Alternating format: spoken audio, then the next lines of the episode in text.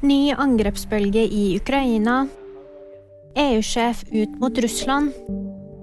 Og snøkaos i nord. De massive angrepene i Ukraina har rammet kritisk infrastruktur. Men i det hele så er det nå eh, blitt ganske kritisk i hovedstaden.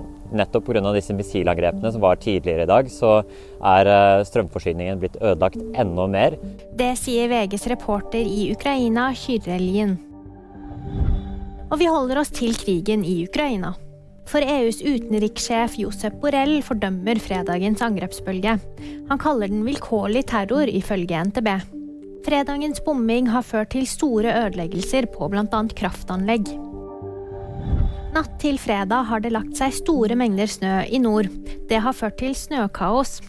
Og nå beveger snøværet seg sørover. Det er sendt ut farevarsel flere steder om at det er ventet 5-15 cm snø. Men det kan komme mer lokalt, ifølge meteorolog Susanna Ruder. Og VG-nyhetene de fikk du av meg, Jamun Britkar.